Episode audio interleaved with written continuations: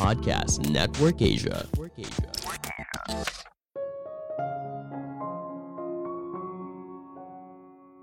Di zaman sekarang, perang tidak lagi soal angkat senjata, tapi juga soal menghancurkan ekonomi negara musuh. Halo semuanya, nama saya Michael. Selamat datang di channel saya, Sikutu Buku. Kali ini saya akan membahas soal perang Rusia dan Ukraina. Kita semua pasti sedang mengamati perkembangan perang ini. Yang saya bahas bukan dari sisi perangnya, tapi dari sisi ekonomi. Selama beberapa tahun terakhir, pemerintah Rusia sedang membangun ekonomi negaranya untuk bertahan dari sanksi ekonomi yang bisa dikenakan oleh pemerintah barat. Setidaknya ada 640 miliar dolar cadangan uang yang dimiliki Rusia dalam bentuk surat hutang negara asing, uang tunai, dan emas. Strategi ini sering kali dikenal sebagai benteng ekonomi Rusia atau fortress ekonomi. Namun, apakah Rusia bisa bertahan dari gempuran sanksi ekonomi yang diberikan oleh Amerika Serikat dan para sekutunya? Sebelum kita mulai, buat kalian yang mau support channel ini agar terus berkarya, caranya gampang banget. Kalian cukup klik subscribe dan nyalakan loncengnya. Dukungan kalian membantu banget supaya kita bisa rutin posting dan bersama-sama belajar di channel ini.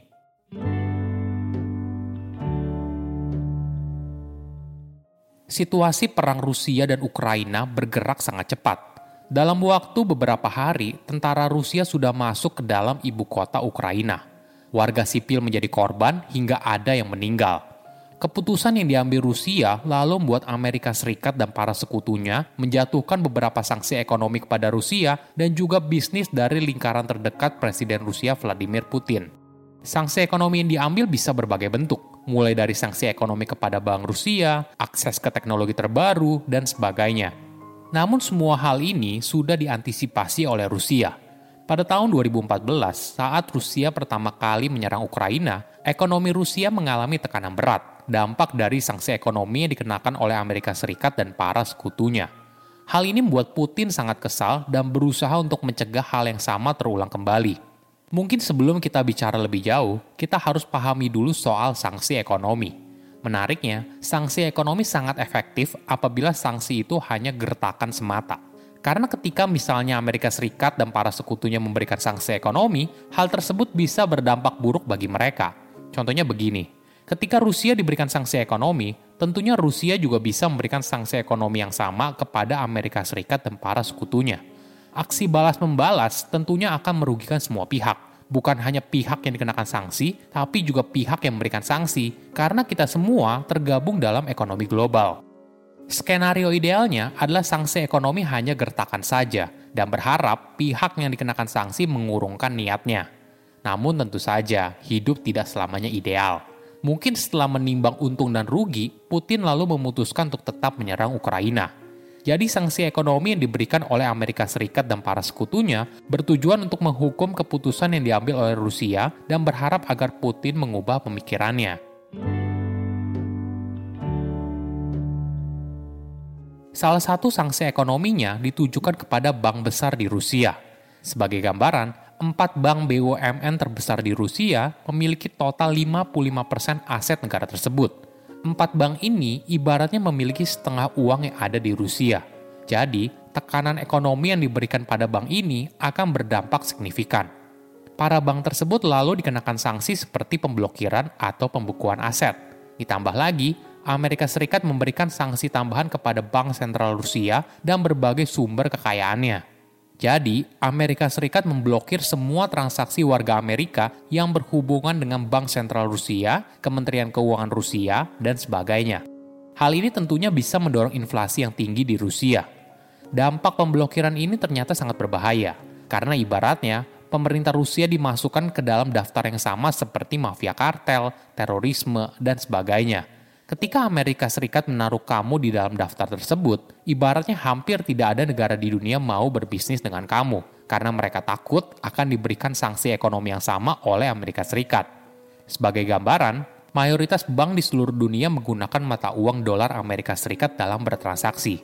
Jadi ketika ada bank di negara lain berbisnis dengan bank Rusia menggunakan dolar Amerika, maka bank tersebut melanggar sanksi ekonomi dan akan menerima akibat yang fatal dampak dari sanksi ekonomi negara barat mulai terasa. Nilai mata uang Rusia telah turun secara signifikan dibandingkan dengan dolar Amerika Serikat. Selain itu, pasar saham Rusia telah tutup selama dua hari berturut-turut dan kemungkinan akan berlanjut.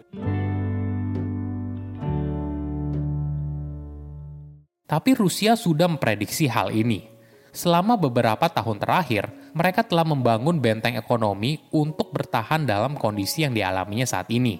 Pertama, menyiapkan cadangan uang dalam berbagai mata uang asing yang bisa diambil kapan saja dia mau. Tentunya bukan di negara sekutu Amerika Serikat.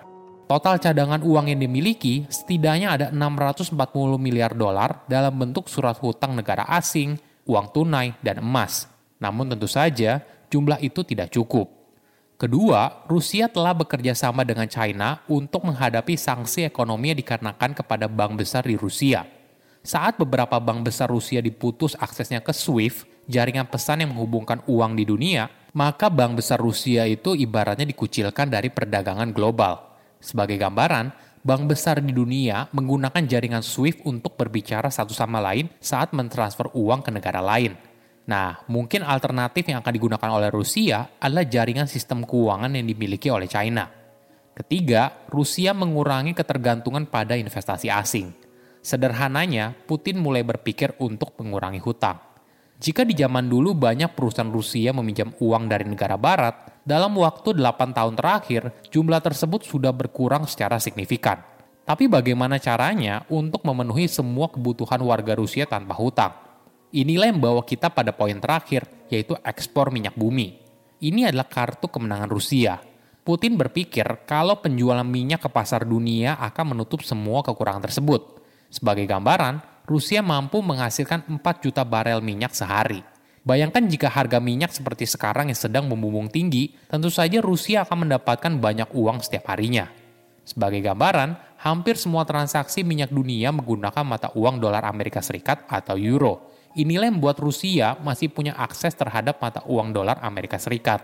Mungkin saja Amerika Serikat dan para sekutunya bisa memblokir Rusia untuk menjual minyak bumi kepada pasar global. Namun hal ini punya dampak yang signifikan bagi seluruh negara di dunia. Selain minyak, Rusia juga merupakan eksportir gas alam. Sebagai gambaran, Eropa memiliki ketergantungan yang tinggi pada Rusia. 40% gas alam dan 25% minyak bumi mereka berasal dari Rusia. Tidak berhenti sampai di sana, ada komoditas lain yang sangat krusial bagi pasar global. Ekspor logam Rusia menyumbang 43% dari total pasokan global. Nah, logam yang dimaksud itu seperti nikel, aluminium, hingga tembaga. Semua jenis logam ini sangat penting bagi pasokan global. Pertanyaannya sekarang seperti ini, apakah semua pertahanan ekonomi yang dibuat oleh Rusia bisa berhasil? Hanya waktu yang bisa menjawabnya. Oke, apa kesimpulannya? Pertama, perang tidak lagi soal angkat senjata. Jika di zaman dulu perang dimenangkan oleh negara dengan kemampuan militer tertinggi, namun sekarang perang tidak lagi dilakukan secara fisik, tapi secara ekonomi. Pemblokiran dan pembekuan aset menjadi senjata ampuh untuk menghancurkan ekonomi sebuah negara. Kedua, jangan terlalu bergantung dengan negara lain. Ini memang dilematis. Di satu sisi, kita bagian dari perdagangan dunia, tapi di sisi lain, sebuah negara harus bisa mandiri dan mengurangi ketergantungannya pada negara asing. Bayangkan apabila nasib sebuah negara ditentukan oleh negara lain. Tentunya akan sangat sulit bagi negara tersebut untuk bertumbuh kan? Ketiga, sanksi ekonomi merupakan pedang bermata dua. Walaupun Amerika Serikat memberikan sanksi ekonomi agar Rusia berhenti menyerang Ukraina, namun di sisi lain, sanksi tersebut bisa memiliki efek domino yang mengganggu perdagangan global. Saya undur diri, jangan lupa follow podcast Sikutu Buku. Bye-bye. Pandangan dan opini yang disampaikan oleh kreator podcast, host, dan tamu tidak mencerminkan kebijakan resmi dan bagian dari podcast Network Asia.